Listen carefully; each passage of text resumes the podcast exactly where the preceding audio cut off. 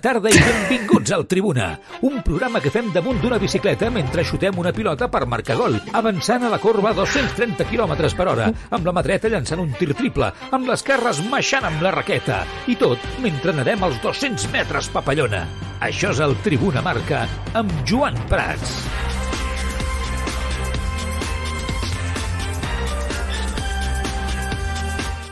Què tal, com esteu? Molt bona tarda. Benvinguts un dia més al Tribuna Marca. Aquí estem una tarda més per repassar tota l'actualitat del Futbol Club eh, Barcelona amb Xavi com a protagonista. Un Xavi Hernández que reconeix a Barça TV que la Lliga és prioritària pel davant de l'Europa League, la Copa i la Supercopa. Molt bé, no? La, la competició de la regularitat, que és el que al final et dona els èxits a final de temporada, doncs és, és la Lliga. No? I, ten, I tinc moltes esperances de guanyar aquesta Lliga, que és la que ens donaria una mica d'estabilitat com a club i com a projecte. No? Agafa prioritat la Lliga en aquest sentit, per tant, a competició europea?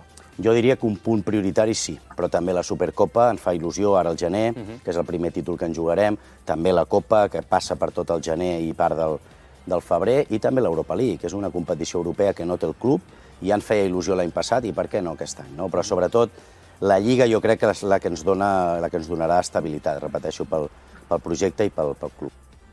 Important les declaracions de l'entrenador del Futbol Club Barcelona, Xavi Hernández, en aquest sentit, prioritzant la Lliga, estabilitat pel club. Eh? No puc estar més d'acord amb les paraules de l'entrenador del Barça. Un Xavi Hernández que ja no vol sentir a parlar de perdre el lideratge d'aquí a finals de temporada, tot i el calendari complicat, no ens enganyem, que ve pel davant.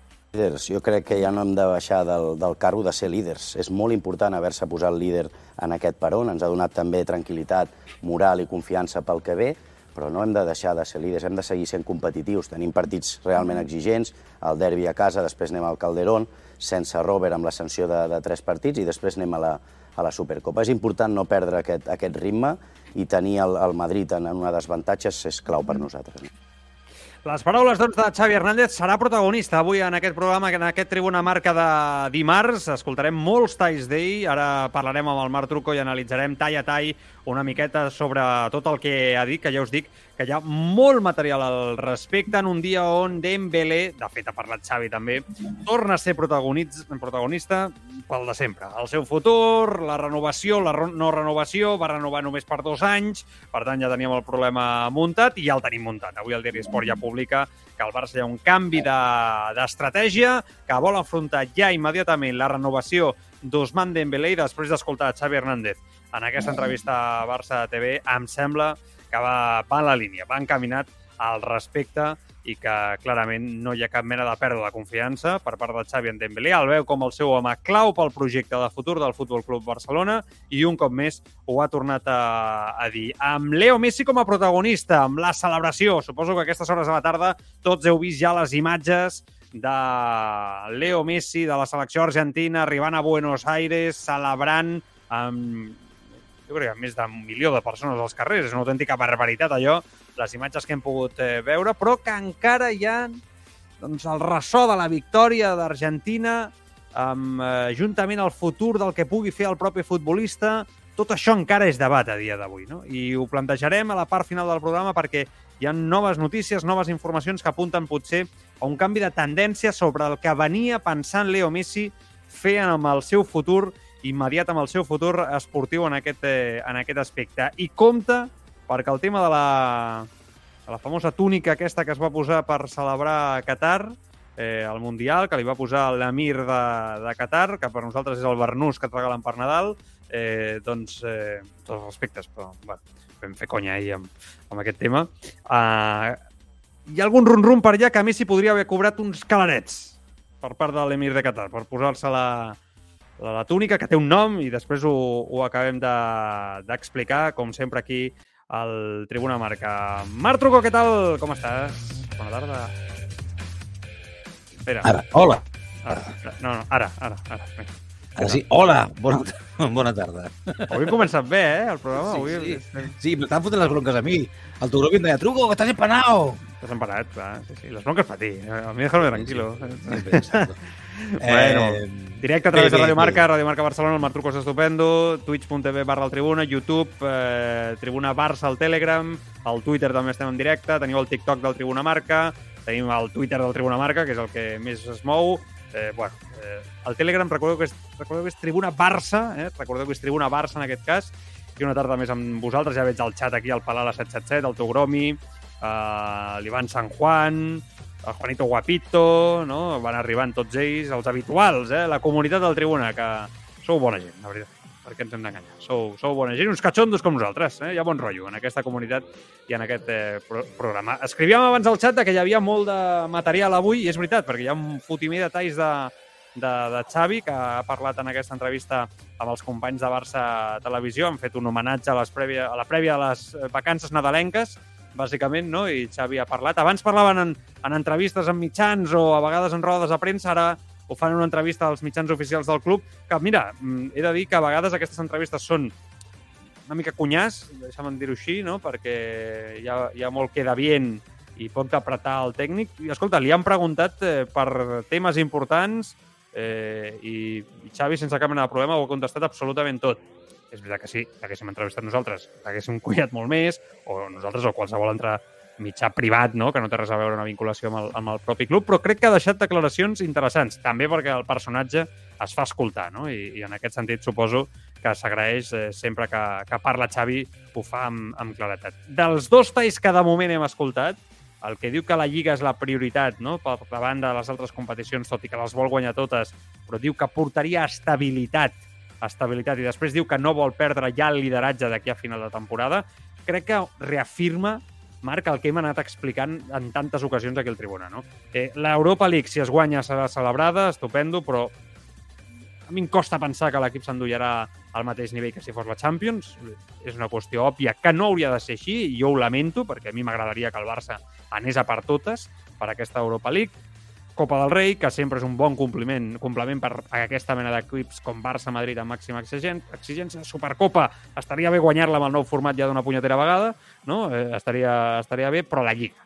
Sí, aquest, aquest equip necessita, aquest club necessita tancar la mala ratxa de títols que porta, tancar aquesta sensació de desastre absolut, de que la cosa s'està enfonsant temporada rere temporada a nivell institucional, a nivell esportiu, eh, una sensació que ja vam tenir amb l'etapa final de Bartomeu, no? que, que fins i tot amb les lligues aconseguides per Valverde no tenies una sensació de projecte, de projecte sòlid, no? tenies la sensació que s'aguantava per Leo Messi i que ja el projecte agonitzava d'una manera clara i important, amb renovacions estrambòtiques a veterans, etc etc. i des d'allà, doncs, els títols, doncs, una Copa del Rei que va aconseguir Ronald Koeman, no? amb el seu mèrit, sense cap mena de dubte, però han brillat per la seva absència. No? Jo crec que la Lliga, que és el campionat de la regularitat, Xavi ho té clar. La Champions eh, ja arribarà, ja tindrem temps, la Lliga, la regularitat, el torneig que demostra qui és el millor durant nou mesos és el que necessita aquest club per tornar-se a sentir guanyador, per tornar-se a sentir-se bé, per tornar a tenir sensació de que el Barça ha tornat definitivament. No? Jo crec que Xavi ho té claríssim, Marc. És que potser en altres clubs eh, és diferent, per la seva manera de jugar, per la seva manera d'entendre el futbol i posar-lo en pràctica, però en el cas del Barça, el Barça necessita per jugar bé i per guanyar, que, mm. que, que, que, que en general a Can Barça és el mateix, necessita regularitat. Mm. I això es demostra doncs, eh, sent victoriós no? a la Lliga, que és, és la, des del meu punt de vista, la competició que s'està jugant tot l'any, la competició que ens porta el futbol cada setmana a casa, que ens fa disfrutar cada setmana a casa, eh, i que és el que el Barça necessita guanyar, però perquè necessita, o sigui, és, és, és sinó quan amb la seva condició d'equip, de, de, de, no? O sigui, necessita Mm-hmm. jugar bé i, per tant, si juga bé, guanya la Lliga. Si no juga bé, no guanya la Lliga o la Lliga està en perill perquè no és regular. Avui ho ha deixat clar també, eh? Hi ha hagut un moment que diu jo confio en aquest model, després l'escoltarem, però és el model que ens ha fet guanyadors, és el camí, el camí és aquest, el camí és aquest, no? Reiterant. Ser regular. Per mi, és, per mi és, inicialment, eh, en, el, en el cas del Barça i del Madrid, eh, podríem posar darrere no? la llista d'equips que volguéssim, però en el cas dels dos grans del futbol espanyol, des del meu punt de vista, ja sé que potser els merengues ho veurien d'una altra manera, per la conjuntura del seu club, però des del meu punt de vista, el primer, el primer és la Lliga.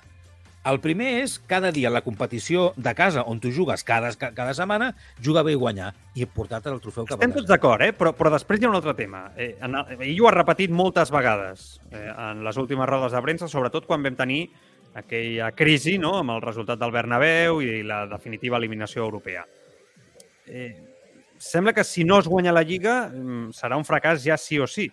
Vull dir, de nou Xavi torna a posar, per, per molt que ell digui, parli d'un model, de la recuperació d'un model, de la importància d'un model de joc, de jugar i morir amb una idea futbolística, que ho fa, al final torna a repetir un discurs resultadista pur i dur. Eh, vull dir, la Lliga com a objectiu, sembla que si no s'aconsegueixi aquesta Lliga, un, ell ja no tingui mm, dret a continuar, eh, la pressió que es posa de nou públicament, Xavi, és mm, altíssima, no és nou, vull dir, és una tendència que ja venia apareixent a les últimes rodes de premsa, i és una evidència que, eh, clar, quan et poses aquesta pressió pública, si no aconsegueixes el resultat, clar, estàs eh, legitimant els dirigents a que et facin fora, però sembla que l'opinió pública ja en serà sobre d'ell per aquestes paraules des d'un punt de vista que si no ho aconsegueix eh, serà un fracàs, no? I, I llavors ell mateix haurà de dimitir i marxar, no? I, i, i jo crec que amb això no estic d'acord. Crec. Fixa't que et dic, normalment et dic, amb això no estic d'acord. Avui, avui et dic, crec que no estic d'acord, perquè eh, en- entenc que el com té molt a veure amb això. Vull dir, posa un escenari. El Barça arriba a la última jornada, com van arribar City i Liverpool la temporada passada a la Premier League. I el Madrid guanya la Lliga a la última jornada, amb, amb un Barça que, tot i que guanya, empaten a punts i el Madrid guanya la Lliga, o per un punt el Barça competeix fins al, fins al moment, però el Madrid guanya la Lliga, el Barça reafirma en el seu futbol, segueix donant passes endavant amb un equip molt jove. Vull dir, se- sensacions de- d'equip sòlid. I guanyes la Copa i l'Europa League. Jo què sé, fins i tot t'ho poso millor. Hosti, això és un fracàs de temporada? Xavi ha de marxar? No, no. Sí, per mi tampoc. Vull dir que a vegades eh, crec que a Xavi li falta una mica de... Eh, a, No. Està molt bé el tema de la Lliga, però afegir a dir bueno, però el com també s'acaba, també és important, no?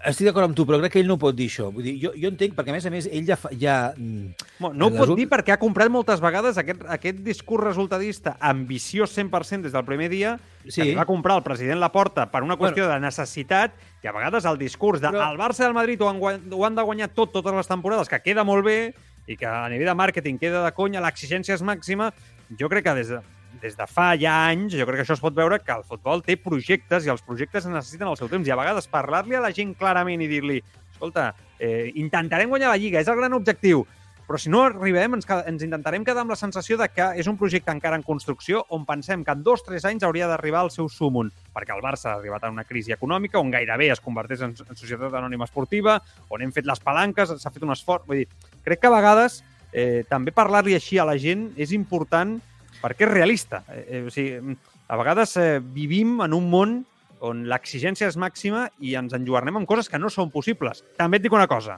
aquest discurs, sóc conscient del que estic dient, eh? hauria d'anar lligat potser a no hipotecar els eh, actius del futur del Barça. Vull dir, en el moment que hipoteques actius i fitxes a jugadors per valor de milions i milions d'euros i, i ets el club que més et gastes, estàs comprant també aquest discurs resultadista més immediat. Que això també eh, és un dels problemes per mi de, de gestió del club. és que jo, jo, jo crec que, eh, que l'escenari en el que estan és, és molt complicat. Perquè jo entenc tot el que tu dius i ho, sus, i ho subscric. Però, Però, la pressió és màxima. però sí, és a dir, fins i tot el president. Vull dir, jo, crec, jo estic segur que Joan Laporta, en general, toca de peus a terra. Xavi, també. Però estan en una posició on, com tu dius, la pressió és des de molts des de moltes posicions i, i molt forta. Aleshores, eh, jo entenc que surtin i diguin el nostre objectiu, com a gran club que som, com gran cosa equip que això. som, és, home, és guanyar-ho tot. Vale? És guanyar-ho tot. Ara, en aquesta mateixa entrevista, no sé si posarem el tall o no, avui mateix, quan estàvem escoltant el, el, el, el despatx, al principi em sembla que era...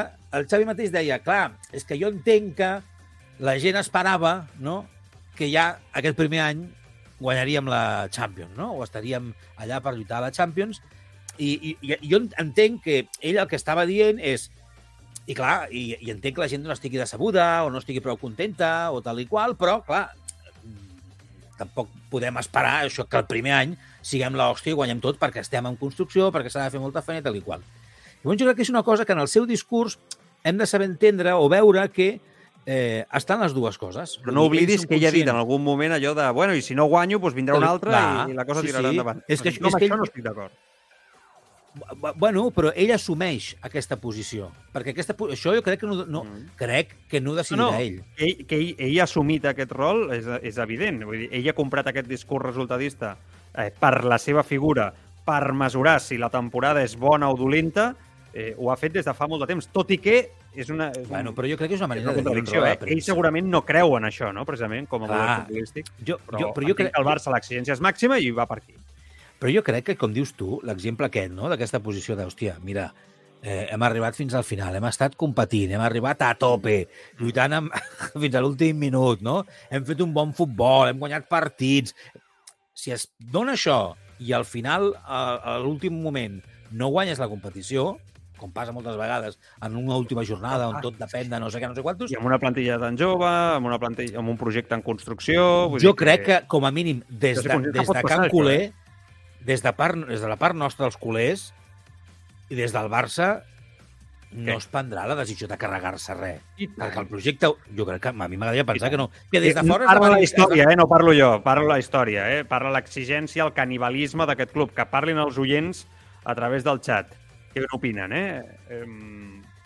Si el Barça no... Després d'aquest discurs, si el Barça no guanya títols, Xavi està fora a final de temporada.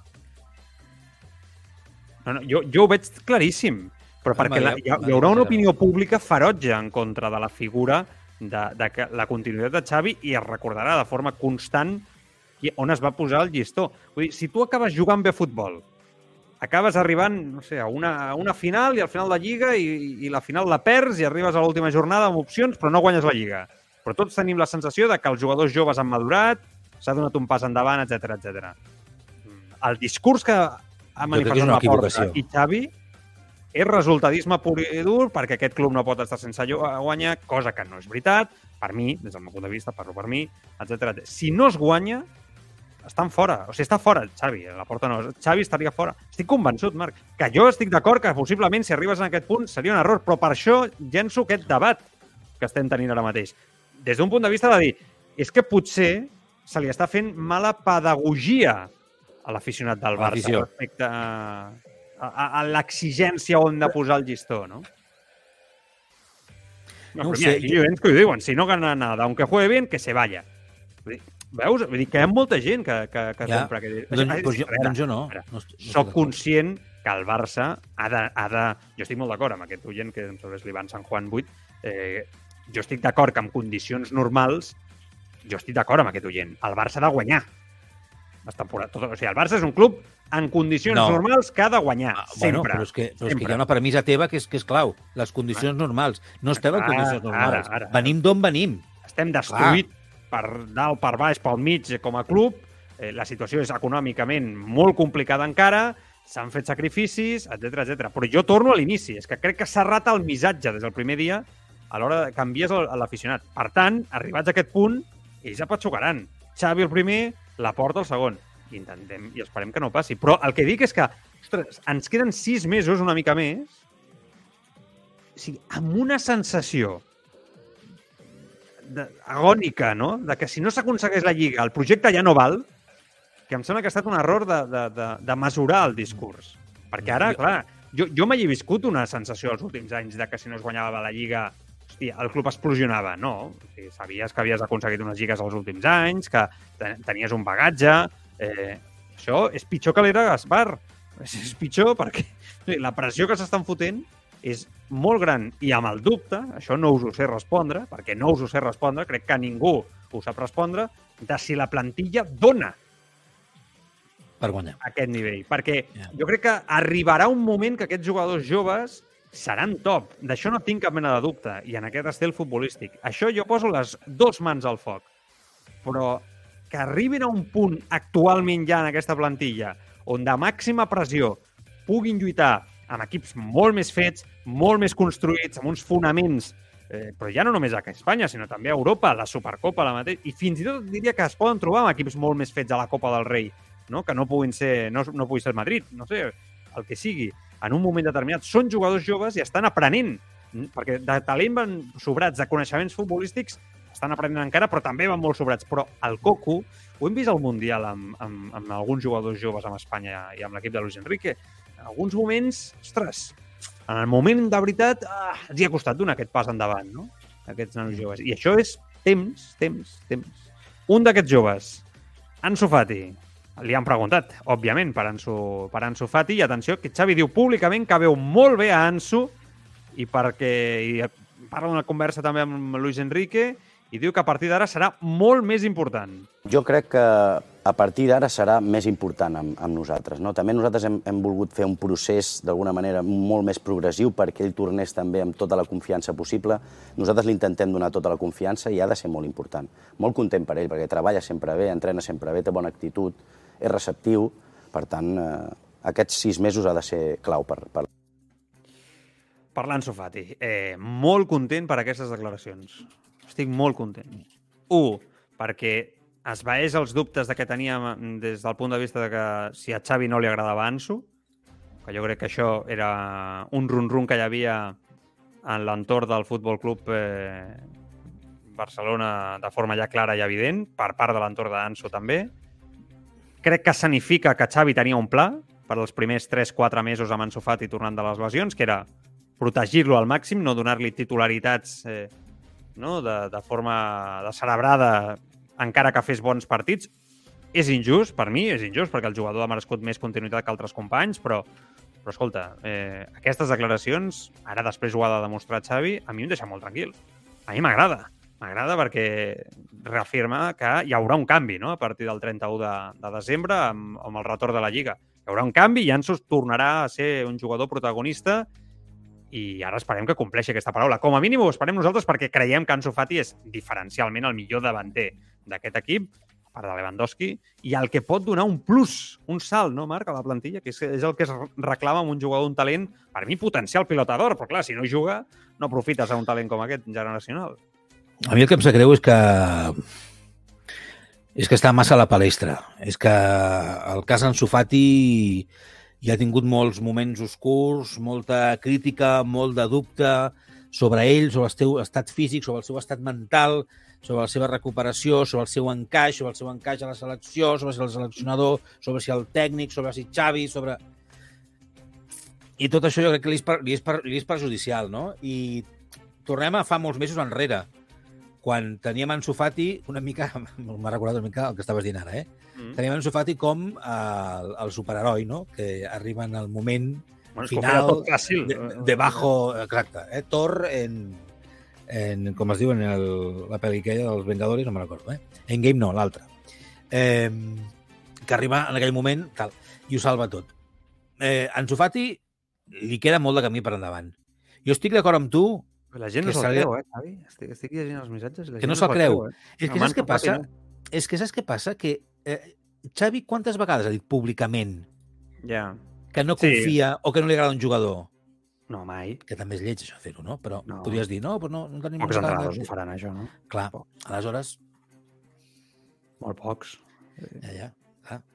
Però vull dir, sabem, sabem que a Xavi no li han convençut, o ens imaginem o pensem que a Xavi no li han convençut jugadors perquè s'han filtrat informacions, perquè companys periodistes han publicat en un article d'opinió... El que m'estàs dient, perquè jo m'enteri eh, m'enteri i t'entengui, el que m'estàs dient és que Xavi no seria la primera vegada que mm, públicament mm, no, deixa bé Ansu Fati, anem a dir-ho així, deixa Sí. bé Ansu Fati, i que després no demostra aquesta confiança. Però ell avui ens ha donat una explicació.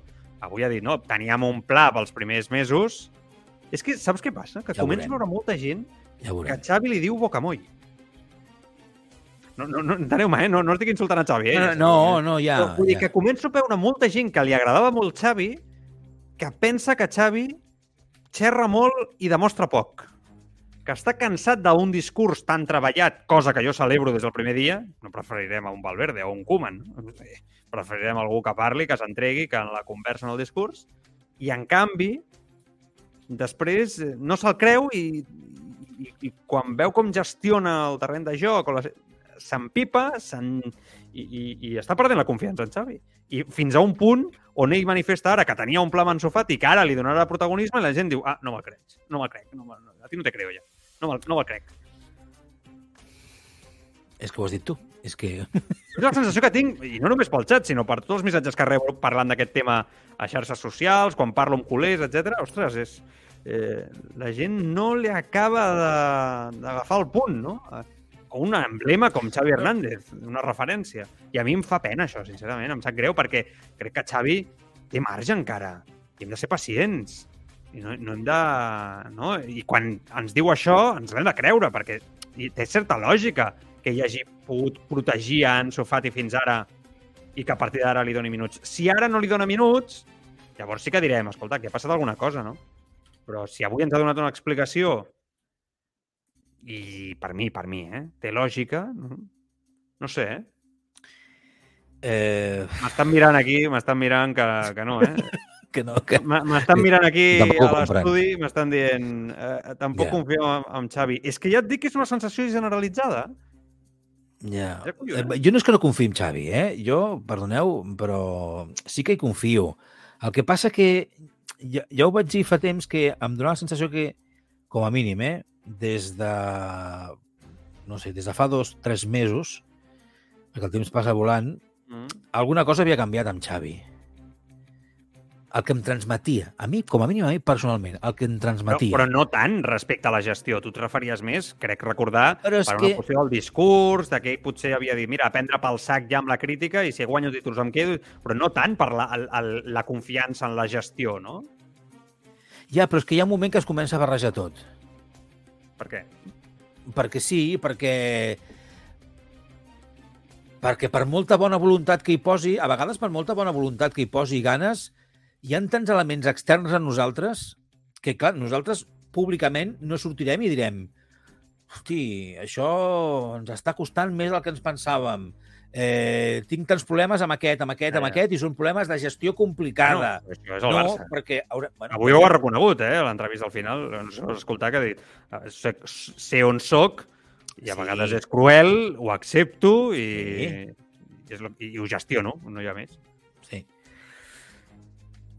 Jo, jo, és a dir, jo em genera... És a dir, li continuo tenint confiança perquè crec que, en general, quan diu alguna cosa, hi ha veritat en allò que està dient. Jo crec que és Ja- molt honest. Hi ha voluntat perquè allò sigui així. Eh, També ho crec. El que passa que potser sí que penso Hi ha innocència? Potser sí, en algunes No coses. sé si Falta d'experiència? Potser sí, això sí que o no que hi posa molt de cotó.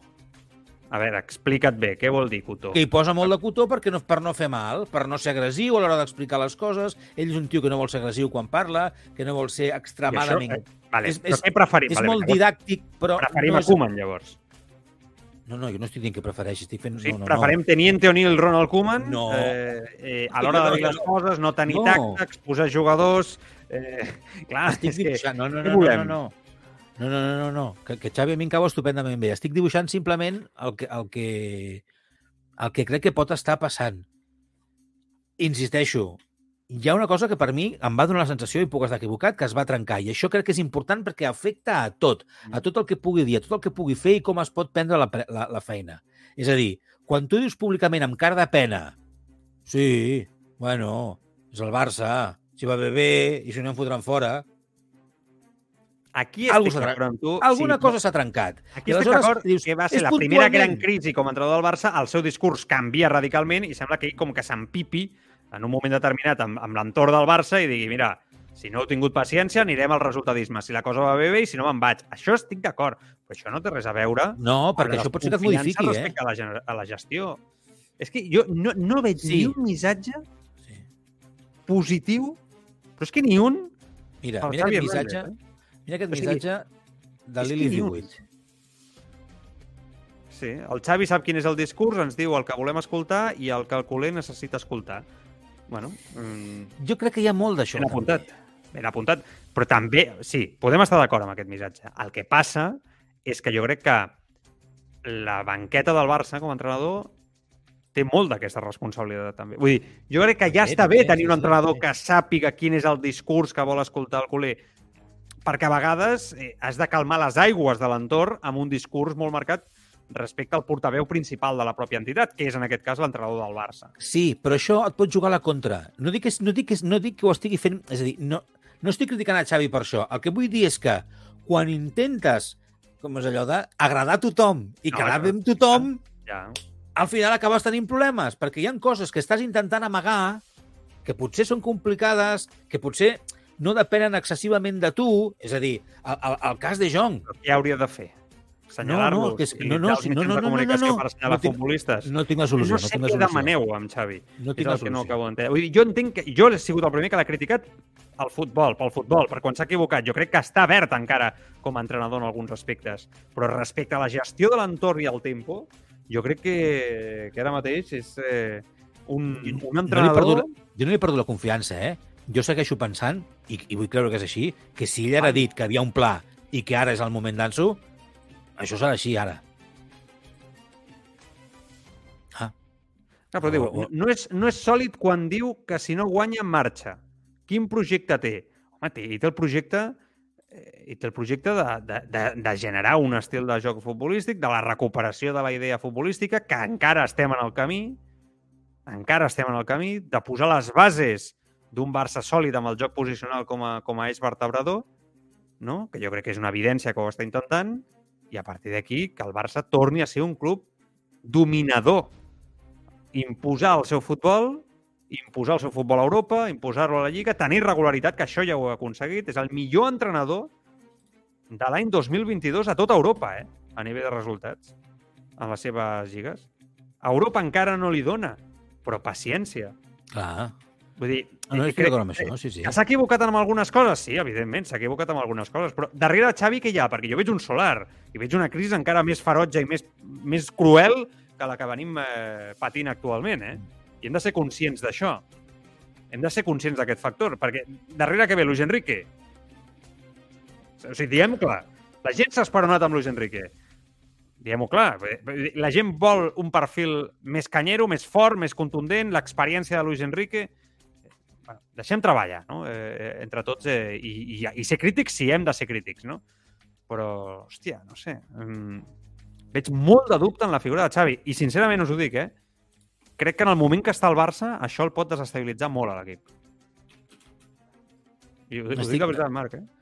Sí, no, No, no, la gent és estic- lliure d'opinar i només faltaria, eh? I van al Sí, càrrec, eh? sí, sí. Ja, ja m'enteneu, ja em coneixeu, eh? Què penso? Però sí que és cert que crec que jugadors tan joves, un projecte que està que s'agafa amb pinces en alguns aspectes, hosti, eh, si nota una pressió mm, del ja, del moment, no sé si ho pot arribar a aguantar. Bueno, és interessant, eh? Després lleg- llegirem tots els missatges, que hi ha un més sobre aquest tema. Mira, Ansu, on ens ha portat, no? Eh, ens ha portat a, aquí. Eh, més talls. Eh, eh, aneu deixant els vostres missatges, eh, que ara els llegim i segurament recuperarem també aquest, de, aquest debat. Eh, Xavi ha comentat també que el fet de que el Barça, el Barça, eh, el Baixa, eh, no sé ni parlar, el Barça hagi cedit a 17 futbolistes pel Mundial eh, és una bona notícia, però recorda que la plantilla eh, doncs ha de donar títols, ho remarca com a objectiu principal de la, de la temporada. Reafirmem una miqueta el que estem dient, ho reafirma ell, no?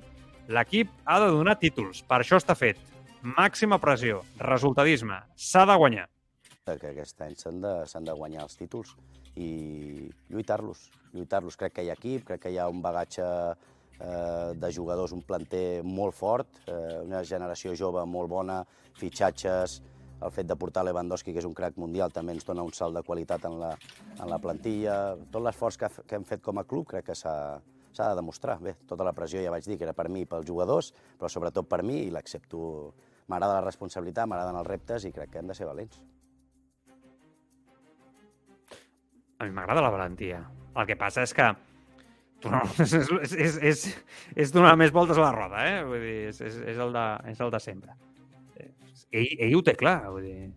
jo, jo crec que és impossible que Xavi segueixi arribat. No, no és el que m'agradaria, eh? però crec que és impossible que Xavi segueixi si no, no guanya la Lliga.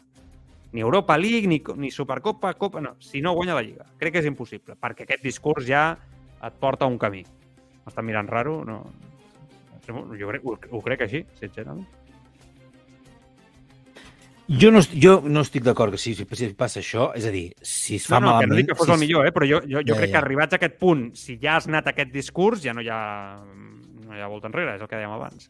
bueno, en fi, és Sí, més, no, més de lo mismo. ens No? repetim, ens repetim, sí. Ens repetim. Eh, mira, si vols llegir missatges ara, perquè encara queden un fotimer de detalls de Xavi, amb diferents altres aspectes, i que segurament faran el programa llarg avui, i ja us he dit que teníem, veníem carregadets de, de coses amb aquesta entrevista a Barça, Barça Televisió, i a partir d'aquí mm, el seguim escoltant i seguim extraient conclusions del seu discurs avui en aquesta extensa 40 minuts més o menys ha durat l'entrevista a Barça Televisió. Marc, va, som-hi, missatges.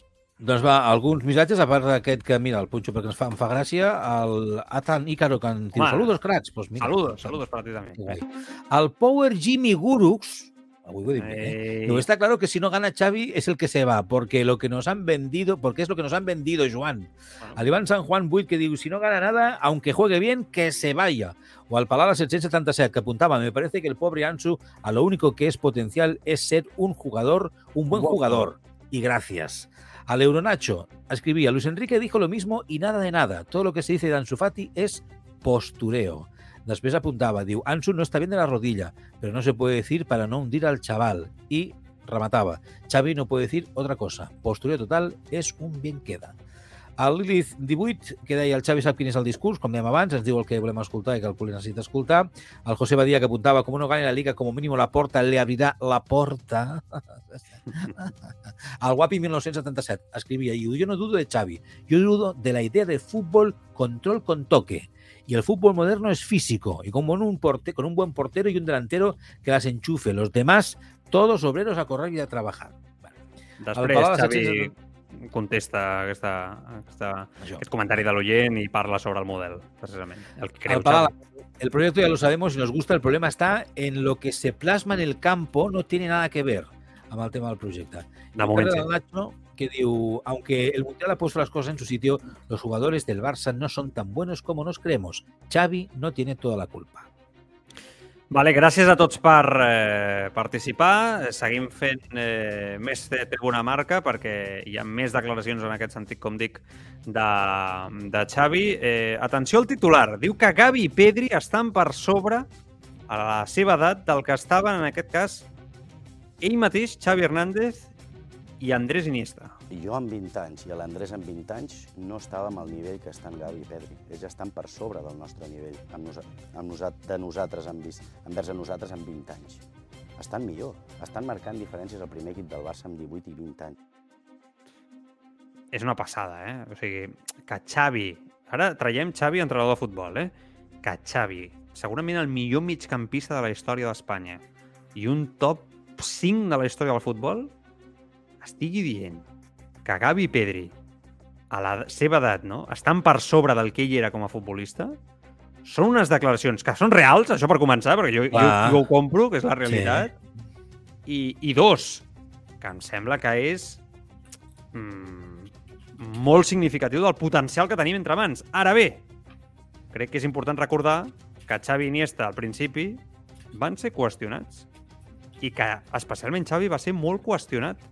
I això jo crec que ens ha de fer pensar que en els moments més complicats, més dèbils, quan dubtem, quan els resultats no arriben, és quan s'ha de ser més fidel, un, al model, i dos, als jugadors que, que representen millor aquest model. I Gavi i Pedri, precisament, són els que millor ho representen, amb el migcampisme com a, com a, com a eix vertebrador de tot això, no? Jo crec que és, és important recalcar, recalcar això, no? Que a vegades oblidem en l'entorn que Xavi, eh, que Xavi jo crec que ho té molt clar, que Gavi i Pedri tenen una edat. És que, I en aquest Mundial s'ha tornat a veure. Especialment per mi amb Pedri, més que amb Gavi, eh? però que hi ha moments on encara Mm. no estan eh, per controlar el tempo del que rodeja el context que amb els anys et dona en totes les feines. Jo crec que a tots ens passa, però especialment en aquest cas amb, el, amb els futbolistes. I, i està molt bé dir-ho, perquè ens, ens posa en situació. Vas a menjar-te el món amb un nano de 18 anys i un altre de 19. o sigui, tu vas a mirar els ulls al Chelsea, al United, el, que toca l'Europa League, al City, al Bayern de Múnich, al Madrid i tal, amb un nano de 18 i un altre de 19, com a eix vertebrador del teu futbol. I això té un preu que has de pagar. Sí, el que, sí, sí. El que, el que passa que jo, jo en aquest cas, eh, poso el, el punt de vista eh, o destaco el punt de vista positiu de tot això. I és que, evidentment, la joventut, com diu el Joan, no? doncs té uns, uns riscos, unes mancances, uns dèficits, no? però... Que són molt bons, aquests dos, eh? Però tenim aquests dos, però clar... Que, però, són boníssims, que tota Europa els vol, eh? clar, I clar, són clar, nostres. Que, per això, que eh, jo crec que s'ha de veure amb el... Vull dir, hem d'assumir la joventut amb el que Ah, comporta és això, i, és i ja això. està, És i això. saber que tenim jugadors que són la hòstia. que en, No el, tots- en el futur Ah. són i seran la llet. Ah. I si després no hi són, ja, ja, llavors ja criticarem, ja, ja ens, ens... però que ara mateix tens els dos últims Golden Boy a la teva plantilla. És que és, és, és l'enveja d'Europa, això. Ara, present, bueno, tens el que tens, estan en Bueno, creixement. clar. Dóna'ls-hi dos, tres anys. créixer I que tens altres jugadors que amb, amb, els, amb les seves conjuntures, les seves adaptacions o no adaptacions, o sortides o retirades, o encaixos i, i, i tot el tema aquest, però que hi ha bona fusta. Jo, jo de, clar, és que destacaria això, el tema anecdòtic de que ara mateix aquests dos jugadors estiguin per damunt del nivell que tenien Xavi o, o altres jugadors o, o atanis seus en el Barça quan eren joves, jo crec que és, és anecdòtic, simplement és positiu el fet de que estiguin els dos. Significatiu de forma positiva. Ah, ja està. Ara, escolta. una cosa, una cosa. Que ara mm, dono la volta i ja saps que m'agrada girar, girar la truita als arguments i que no, ens agrada parlar, ens agrada parlar. Si el Barça anés bé els últims anys, si el Barça ara mateix tingués a Xavi Iniesta a la plantilla, ja no Xavi Iniesta, és igual, treu aquella etapa, posa dos interiors de titulars eh, de 26, 27, 28 anys, els que sigui, us imagineu els que sigui. Avui dia Gavi i Pedri jugarien al Barça? Estem tots d'acord que no, que no haguessin entrat a ser protagonistes, que haguessin sigut recursos, possiblement si els entrenadors de torn haguessin estat valents perquè el seu talent estava allà, els haguessin anat posant a poc a poc, però en cap cas no s'hagués valorat des d'un punt de vista de dir entren i treuen el Rakitic de torn, invento, el Toni Kroos de torn, aquest perfil de jugador del De Bruyne de torn, de torn no? No, no hagués passat això. O sigui, no haguessin tingut el, el, el, el passadís no? fins a arribar a aquesta titu- titularitat. Què vull dir amb això? Que ens hem de preguntar que si ara mateix ells dos, per molt bons que són, i és una passada veure'ls i estan a un nivell altíssim, i per mi són els l'últim dels, dels problemes del Barça, eh? sincerament us ho dic, a nivell també tàctic i, i tècnic, però com a referències, no? com, com a grans líders de la plantilla, ens hem de preguntar si ells dos estan ara mateix en la capacitat per eh, estar al nivell d'altres mig dels camps de de- d'Europa, no a nivell de talent individual, que sabem que inclús això el nostre el supera. I a nivell de potencial ja no et dic, però de moment, de coneixement, de, de veterania, eh, es pot, o sigui, es pot anar a lluitar amb aquests grans equips amb dos nanos encara en construcció i, i m'agrada que tinguem aquest debat, eh, perquè crec que és sa i és realista, no? Perquè ara mateix sembla que Gavi i Pedri moltes vegades no es puguin tocar, tot ha de ser positiu, i jo sóc el primer que m'encanten, però alhora hem de reconèixer que són joves. Llavors, és la contradicció del discurs resultadista amb el que estàvem tenint ara mateix, s'ha de guanyar 100%, si no és un fracàs, anem a per totes, i des- després dius, vale, però tens una plantilla jove, es pot guanyar? Sí, però és molt jove. Tens, tens mancances encara en la construcció mental d'aquests futbolistes i en la seva experiència. Per tant, patiràs, com va patir l'Arsenal, per exemple, la temporada passada amb una plantilla molt jove i ara és líder de la Premier perquè li han deixat treballar a Mikel Arteta. Vull dir, és que potser et trobaràs en un moment determinat que amb Gavi i Pedri pues, dominaràs grans partits i altres, pues, a l'hora de la veritat, potser no t'arriba, però d'aquí un any sí que t'arribarà. I, I això no es diu, però és que són molt joves. No sé si m'explico què vull dir, eh, Marc? No sé si m'estic Sí, explicant. sí, sí, sí. Bueno, però que estem donant voltes en, en el mateix una altra vegada, eh, jo crec. Clar, Estic però som conscients que Gavi i Pedri eh, Jo sí. exigim potser més del que Me, ells, més eh, del que... poden donar? Sí, Eh, jo crec que sí. Jo, bueno, eh, No sé. jo crec que sí. Jo crec, jo crec que generalment, jo molta gent que, que escolto vulguin, quan eh? parla de Gavi de Pedri, sembla que estiguin parlant d'un jugador de 27 Però, anys. no, perquè, no, perquè jo crec que ens... No, perquè... No, no, no. Jo crec que el que passa que el talent, la màgia, l'esforç, la garra, allò que es diu, damunt del terreny de joc, ens Mira, mola. Nacho diu, el físic, estic molt d'acord, als 60 minuts, tururut, especialment Pedri, eh? Desapareix del partit. Perquè té Ja. l'edat que té, i la formació física que té. És que, clar, és que aquesta és una altra. No? Jo, el que deia, que, que els hi falta i que, hem de, i, que hem de, i que n'hem de ser conscients. I el que passa que, quan veiem que són capaços, ja amb la joventut que tenen, de fer les coses que fan, no? eh, això ho pugem ràpidament al capdavant no? de la llista, del, del més destacat, i potser a, a, emborrona el que hi ha darrere, i és que els hi falta, no? que no arriben potser a fer no, els, a tots els minuts del partit, eh, i que els hi falta experiència, i que pot ser que moltes vegades allò, no, l'ímpetu amb el que estan damunt del terreny de joc l'haurien de saber controlar i aplicar més la calma i la intel·ligència per poder controlar i generar potser millor el joc, no ho sé. Tot això els hi falta aprendre, segurament. I aquí és on està el tema.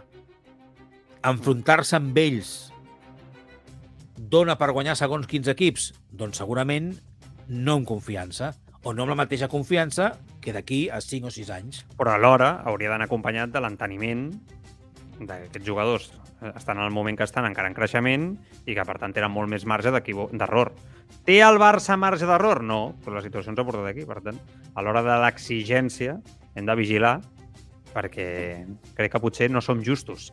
Més talls de Xavi, que tenim molta cosa avui. Eh? Eh, ha incidit en l'aspecte psicològic i com treballaran per a que les eh, decepcions dels diferents futbolistes al Mundial no els hi afecti a la plantilla i Xavi reconeix que a la Champions a l'equip li ha faltat. Fa autocrítica sobre el nivell que, que ha mostrat eh, l'equip a Europa. I per un cantó jo crec que hem de ser autocrítics. Eh, no hem estat al nivell a la Champions, ens ha passat de tot. Després podem analitzar bé, però crec que futbolísticament també ens ha faltat. Ens ha faltat ser més madurs. En el moment just quan estàvem millor que el Bayern o que l'Inter a Milà o a casa era el moment de, de matar el partit i no ho vam fer. I a partir d'aquí, doncs sí, decisions arbitrals, lesions en, en moments eh, just doncs, que no, no, ens ha, no ens ha beneficiat, però sobretot a nivell futbolístic hem de ser, hem de ser autocrítics, hem de fer autocrítica de que hauríem d'haver passat de grups com a Els mesos et fan veure les coses potser d'una altra manera. Eh, és el que he pensat jo quan he escoltat a Xavi. Si no, no ens enganyem. Jo, jo, Xavi va, va aquest, aquest discurs autocrític és molt més assenyat per mi que el dia després de l'eliminació En a Champions, en calent, que semblava que els àrbitres fossin els únics culpables. Jo crec que Sí, el però els ha colat, eh? Els ha colat en la resposta. Sí, però una cosa és dir-ho d'aquesta manera, no? Una cosa és dir-ho d'aquesta manera, que és veritat que van incidir, que van haver errors arbitrals, i una altra cosa és que sigui l'eix vertebrador del teu discurs com a explicació a l'eliminació europea. El Barça va quedar eliminat per errors, per mi, especialment del seu entrenador, que és Xavi Hernández. Jo ho vaig dir en el seu dia. Errors tàctics, de preparació, de plantejament, i després el que estem dient, la plantilla no està feta, la mentalitat, el model encara no està aplicat, etc etc. I els àrbitres van perjudicar? Sí, en un moment determinat, però principalment, per mi, són motius futbolístics, no? de terreny de joc. I Xavi aquest discurs no el va comprar aquell dia. I a dia d'avui, mesos després, s'acosta molt més a aquest discurs i em sembla assenyat. I la perspectiva del temps i rectificar, etc. Però jo, això l'únic que ens ratifica, Marc, clarament, és que el que va dir en el seu dia era en calent i que va tirar per l'excusa eh, clàssica de l'arbitratge en comptes de dir que ell s'havia equivocat. I això també em diu a mi, no sé si estàs d'acord o no, que ell sentia molt la pressió sota les seves esquenes de quedar eliminat a la Champions. Moltíssim. Perquè si tu domines els tempos de la pressió futbolística que representa ser entrenador del Barça, fas aquesta autocrítica, ho reconeixes i tires... En... Si no, tires els àrbitres com a excusa. Eh? És el clàssic. A veure, que és que no vull ser jo aquí semblar que Xavi m'està regalant entrades per anar al Camp Nou a canvi de que el defensi, però que eh, és que jo crec que és normal. Si és que tots ens vam flipar amb colors, és que et recordo que vam arribar a dir a principis de temporada Mm. que ens veiem capaços de guanyar-ho tot. Bueno, com diu el Que- Togromi amb bon criteri, aquest nivell d'exigència i de flipadisme, si vols, a l'entorn del Barça surt del propi club, del propi Laporta. Sí, Especialment, però no. el primer prop- discurs. No, perdona, no, no, no estic d'acord amb això. És a Ah. dir, que sí que, no, que el club sí emet, emet el que emet, sí, Però que La porta es creix després de guanyar, de fitxar molts jugadors per milions d'euros després de les palanques i, I comença la temporada dient que el Barça ha de lluitar per la Champions. Vale. Ens venim a dalt. I, sí, i, i fem una pretemporada de, de, de, de crispetes i, i, i xocolatines. Ah, la pretemporada si serveix de poc. El problema, el problema és l'inici de la Lliga, etc bons resultats, Bueno, no, no. bon futbol, Bueno, veus va- que l'equip pot arribar molt lluny, que està molt ben Ah. fet... Eh, sí, sí, està clar. Allà ens Clar. flipem. Clar, allà ens vam flipar tots, independentment de que el, el club fes el discurs que fes, que és el que estàvem dient al principi del programa d'avui, que és en general el discurs que fa. El Barça està i està allà i guanyarem tot, i anem a per tot, i màxima exigència, i el Barça guanya... Bueno, fins que arriba a final de temporada, depèn de com han anat les hòsties, doncs aleshores ai, no hem pogut, s'ha fet el que s'ha pogut, però no, no hem arribat. Bueno, llavors allà que més el discurs. Eh, jo eh, estic d'acord amb tu amb que el Xavi segurament la pressió el va poder a la Champions, perquè tots anàvem a que com a mínim, potser no guanyàvem, però eh, fèiem un bon paper. A la Champions i arribàvem bastant lluny. No, no, jo I crec que pensàvem tots que quarts de final, Ah, alguna així, i, constru tal. i construir una mica el, el futur, Europa... Sí, I, sí, i, tornar... i, I la ràpida Ja. participació va ser mm, començant poquet i, i anant a, a menys, a, a la planta menys, menys 10. Eh, No? Jo crec que encara està temps, eh, l'equip, de, de donar la volta a aquesta sensació a Europa. O sigui, jo crec que si el Barça guanya Sí. l'Europa League, eh, poses punt i final al ridícul espantós d'Europa dels últims no sé, Sí. ja, ja, sis, Però- sis anys, set, és que no he perdut el compte ja. Però, perdona, i no és que no ho tinc clar, eh? Ja sé que és una competició menor que la Champions i que després a la Champions et diran ei, però la No, Champions no, no, portes no, no. fallant molts anys, però Europa no League, guanyar-la, no sé. Que no tinc clar que, que el Barça, encara que tingui la possibilitat, en, Sí, sí, Sí, està clar, és no, no, jo és a dir, dubtes també. Jo que de ressarceixi el seu 100%. paper, No, que no, ressarceixi no. la seva imatge Ah, aquesta temporada. Bueno, No. Home, jo crec que és un pas important. Guanyar una competició europea et fa... O sigui, jo crec que fa que facis una mica les paus amb l'aficionat respecte a Europa, encara que sigui una competició menor. Una altra cosa és que el Barça no li motivi, com vam veure l'any passat aquesta competició, que els jugadors després no acabin de donar el 100%, que és algo que jo no descartaria. Eh? I, ma- malauradament crec que seria una senyal molt dolenta si això torna, torna a passar. Faig via perquè, eh, clar, és que Eh, avui eh, no arribarem a ficar tot el contingut que tenim. Li pregunten per entrenar a companys o excompanys seus com a jugador i amics personals. Xavi inclús diu que és un avantatge. avantatge. Quan la gent deia, oh, eh, entrenar jugadors que ja, que sou companys, que fins i tot tinc amistat amb, amb molts d'ells, jo crec que és un avantatge, conèixer el jugador, conèixer de quin peu calça, conèixer si l'haig d'animar o l'haig d'apretar o donar-li més carinyo. El, els entrenadors al final som una mica psicòlegs, ho hem de ser, no? I, i, i ge- i gestor de, de, de grup és molt important conèixer les persones. És, per mi és clau tenir de, com a capital Busquets, conèixer molt bé el Jordi Alba, que és un gran líder dins del vestidor, en Gerard, fins que, fins que ens ha pogut ajudar ara que s'ha retirat, el Ter Stegen, el Sergi Roberto... Per mi és un avantatge conèixer els capitans, no? I crec que hem fet molta pinya. Jo soc, intento ser molt honest i molt honrat amb els jugadors, amb la plantilla, molt sincer, i sé que molts doncs, s'enfadaran amb mi quan no, quan no juguen, no? I fins i tot algú que, que pot fer hasta una mala cara, no? Jo accepto fins i tot una mala cara, però no mala actitud. No? L'actitud, respecte i esforç, per nosaltres a dins del vestidor és, és innegociable i conèixer els capitans és un avantatge. Faig un bagatge molt positiu, no? Evidentment, estar al Barça és una trituradora, jo sempre dic que és una trituradora de persones, i estem jutjats, estem eh, d'alguna manera criticats a diari, però bé, sé on estic, eh, sóc molt del Barça, treballaré perquè tot això funcioni i si no, I si no me'n vaig. I si no, va a casa. Si no, I si no me'n vaig. Torna a dir el mateix un altre cop. Eh? Sempre sí, tot el seu discurs acaba des de fa dos mesos amb el si no me'n vaig a casa. Eh? O sigui, jo crec que és una manera d'autoprotegir-se de, la, de la pressió Sí. que sent, eh? Sí, sí. Sí, jo, jo crec que és, és allò que ell s'ha dit tantes vegades a casa davant del mirall per autoconvèncer-se a ell de Mm. Xavi, no passa res, tranquil. La tu pressió l'està notant tant, no? Intenta-ho, i si no, no Sí, sí, passa sí. res, la vida continua. I de l'igual que al final li acaba sortint públicament, no? Una mica allò de, de quan estàs passant malament veure que eh, o estàs tenint en un moment on alguna cosa et sembla molt greu, jo crec que tots ho hem fet a la nostra vida, no? Sí, Agafar una sí. mica de perspectiva i dir, bueno, escolta, i si això no acaba sortint, això que m'interessa o m'importa tant no acaba sortint bé, pues a una altra cosa i a, a pair-ho, que la vida no s'acaba aquí, no? No és el Clar. més important. Jo dic amb coses de feina i coses que a vegades ens, ens, ens fiquen al cap no? i ens obsessionen.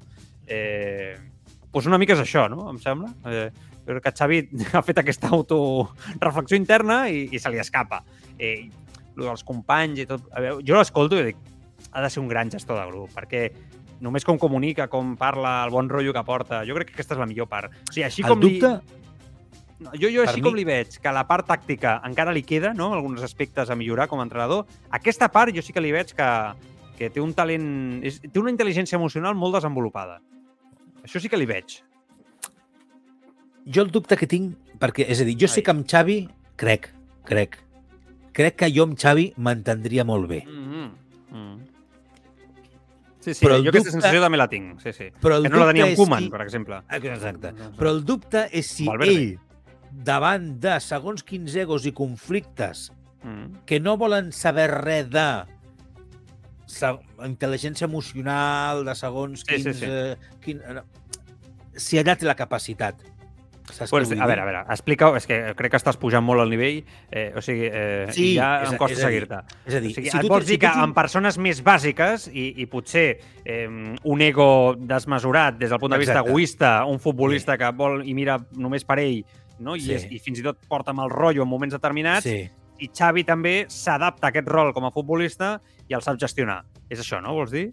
Clar. Eh, ja, Marc, però això... perquè, a mi, perquè a mi em no costaria, sé. també, eh? Ja, ja, ja. Això, això et pot costar i crec que els hi costa a tots els entrenadors del món que es troben en No, aquesta situació. si tu, si tu tens un caràcter, és a dir, això, jo ho dic, per exemple, és el mateix que passa a, a, a, a les classes, no? El profe de buen rollo, Ja, ja, claro. eh, o el profe que entra y todo, y todo el mundo está Sí, cagadito, claro, callado, claro. porque sabe que tiene una mirada, Et tiene dic una una bronca. cosa, t'entenc, eh? Et dic una cosa. No crec que la plantilla del Barça actualment tingui massa aquest perfil de futbolista, pel que nosaltres coneixem, i els coneixem alguns d'ells del vestidor del Futbol Club Barcelona.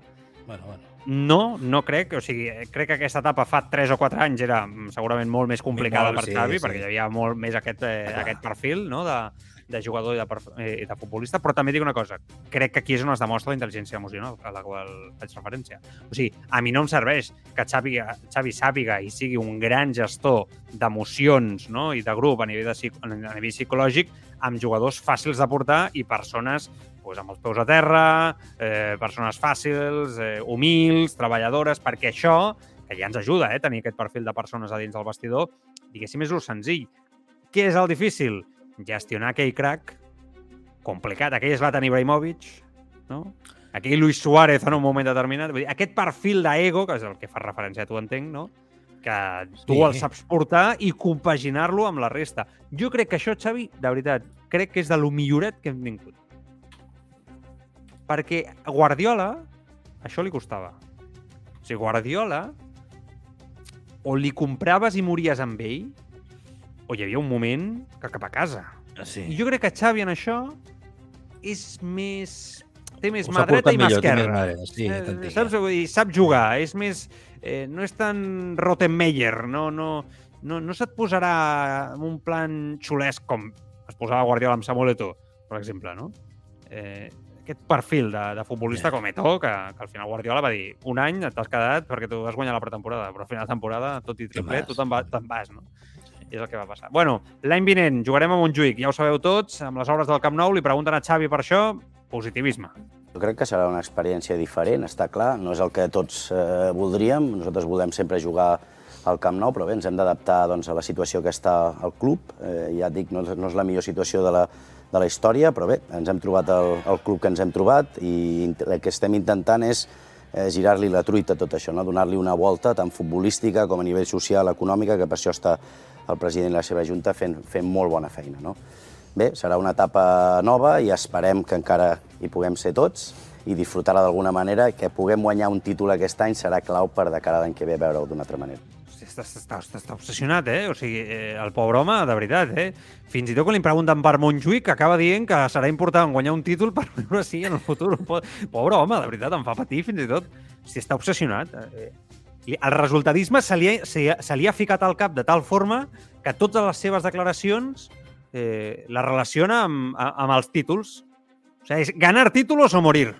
No hi término medio. Aquí no hi ha terme mig, no? No hi ha termini mig. Bueno, en fi. Eh, el gran titular per mi de l'entrevista és aquest. Quan li pregunten pel refor reforçar fitxatges a aquest mercat d'hivern i en contres del que s'havia dit, que es deia no? que Xavi era el que forçava un lateral dret, fitxatges, oi? i que era la porta amb Mateu Alemany els que deien més una mica, bueno, és que la situació al fair play, la situació a la Lliga, econòmicament no és senzilla, tindrem difícil fitxar. Doncs Xavi avui trenca amb aquest discurs, te'l pots creure o no te'l pots creure, això també és veritat, no? Eh, I diu que fins i tot li ha, dit, li ha dit al Mateu Alemany que no em toquis massa, massa el tema, que està content amb la plantilla que té. Teu que, que no toquéssim massa, que estic molt content amb la, amb la plantilla, que ara hem fet família ja fa temps, però sobretot ara crec que hem fet família, hem fet un grup fantàstic de, de jugadors, ha marxat només en, en Gerard, no sabem eh, pel tema del fair play si podrem eh, incorporar eh, nous jugadors, però estic molt content amb el que tinc, eh, crec que podem ser molt competitius, estic molt content amb els capitans, molt content amb la gent jove, entrenem tots com, com llops, com diem sempre, realment entrenem al 100% i no ens deixem res als entrenaments i això es veu al camp, doncs que ens surti bé o malament, almenys donem el 100% i per, per actitud i per solidaritat i per generositat no, no serà. Per tant, estic encantat amb la, amb la plantilla i si no toquem res, estic contentíssim. Semblen unes grans declaracions eh, per part de Xavi, sincerament. Mm, em semblen unes declaracions molt adequades per eh, la situació realista que viu l'entitat, i...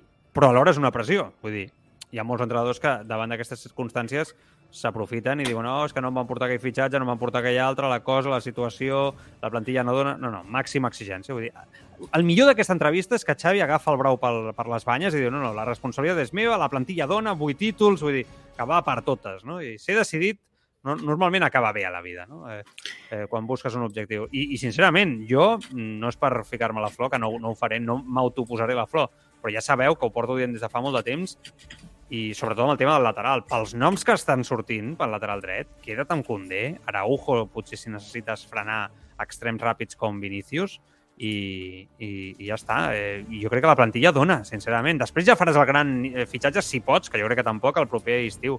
Però, escolta, jo ho celebro, tu. Jo estic d'acord, hi ha material per treballar. I també que les sortides, algun... eh? No tocaria massa cosa amb les sortides, eh? això és un altre tema que a vegades la necessitat de vendre per fer caixa et pot yeah. portar a desperta d'efectius interessants. És a dir, jo crec que mo mobilitat de jugadors sempre, si ens poséssim, sempre la podíem trobar.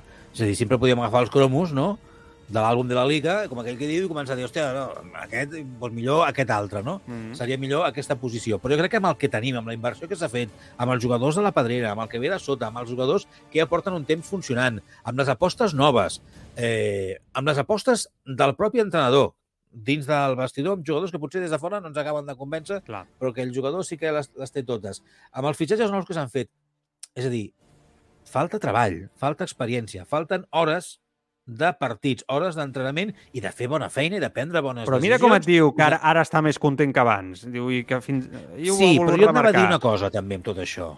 Que no dic que no tingui raó, però jo, sempre, sempre hi ha, hi ha el, el diàbolo sempre diu, però i si eh, sabent el que s'ha sabut fa temps del tema econòmic i del tema del fair play, mm. també és molt possible que l'entrenador, quan li farà una pregunta en la televisió del propi club, eh, acabi dient el que diu en aquesta entrevista perquè sap que no pot dir una, una, una altra cosa perquè no podrà tenir nous jugadors perquè no li podran fitxar. Però el seu discurs sempre ha sigut de, de fer pinya de grup, a nivell institucional també. Eh, sí, no dic que eh, no sigui veritat el que dic. Dic que, bueno, va bé el discurs sí, aquest moment. El Tugromi que diu, a mi me parece que le han dicho que no le pueden fichar a nadie, Bé, com dient, i ara surt, no?, i, Clar, i, i, i, i queda bé amb tothom i tot plegat. Bueno, ok.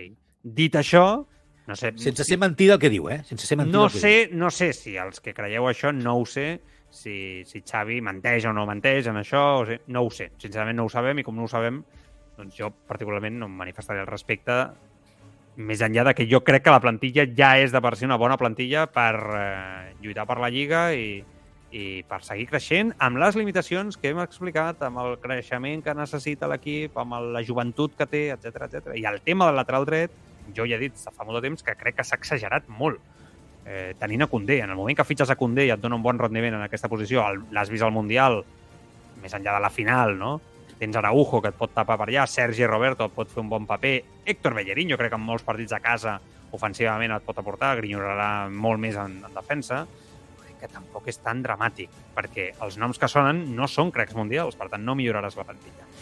I les opcions en defensa, també, molt lligat al que estic dient, no? També li han preguntat per això a Xavi, tenint en compte ara també els efectius que recupera. Mm, espero recuperar el 100% de la, de la plantilla. Primer, dir que el Gerard ha sigut un exemple des, del, des de que jo he estat entrenador del, del primer equip, des de novembre del, de la temporada passada fins ara. No? Ha, estat, ha estat un exemple de lideratge, fins i tot quan no jugava ha tirat del, del carro i, agraït amb ell des, de, des del primer dia fins a, fins a l'últim. No? De a partir eh? d'aquí tenim quatre centrals, eh, tenim No, no. el Marcos Alonso, Defensa. que es pot adaptar també molt bé de, de central, fins i tot el Frenkie en una emergència va jugar uns minuts a, a Pamplona i, i tenim jugadors al Barça B importants, no? El Xadi el, el anem seguint, eh, anem veient el, el progrés de, del Barça B i del juvenil, crec que tenim una, un planter molt bo i que donem oportunitats, s'està veient, no? El mateix Valde doncs, ja, és, ja és una realitat, no? Doncs eh, sempre s'ha de mirar el Barça B, per, per exemple, Xadi, Marc Casador, que han debutat amb nosaltres, Álvaro Sanz... Bueno, aquest tipus de jugadors sempre estem pendents perquè ens puguin ajudar. Vale, no, no, que m'he colat jo perquè m'havia deixat el gran tall de Dembélé, eh? que ara vaig amb, amb aquest tall perquè sabeu que avui el diari Esport publica que hi ha hagut un gir de 180 graus amb el futur de Dembélé, que s'havia explicat que fins a final de temporada el club no valoraria la decisió no? De renovar o no a Ousmane Dembélé i que a les últimes 48 hores Filtració, informació del diari Esport avui, Dembélé, renovació de Dembélé, torna a estar sobre de la taula de forma immediata per aquest mes de gener. Sembla que volen donar un cop sobre la taula respecte a la confiança en el propi jugador perquè arriba tocat després del Mundial, eh, possibles nòvies que pugui tenir Dembélé a final de temporada, el club por que s'hagi revaloritzat després de jugar tots els partits de titular en França i que després sigui massa tard i que entrin de nou doncs, en una situació molt semblant a la que van tenir. No? Últim jugador, últim any de contracte de Dembélé i el representant jugant no? a la puta i a la Ramoneta, permeteu-me l'expressió, buscant en aquest sentit el, el millor contracte possible pel jugador, el Barça no el, no el pot pagar, bueno, doncs es volen assegurar ara amb una renovació Ousmane Dembélé. Bueno, ja sabeu el meu punt de vista sobre Dembélé, ja sabeu què penso sobre Dembélé. A Xavi avui se li pregunta reafirma Xavi el que sempre ha pensat i sempre ha dit sobre el, el francès Ousmane Dembélé, un dels millors. Crec que marca diferències, si no cada partit, cada dos partits. Eh, porta, crec, cinc gols amb nosaltres el que va de temporada i set assistències. Crec, l'altre dia vaig, eh, vaig veure les estadístiques. És un jugador especial. No n'hi ha d'aquest tipus. I més de la manera que volem jugar nosaltres, amb extrems oberts, amb un contra un, que desbordi, que encari.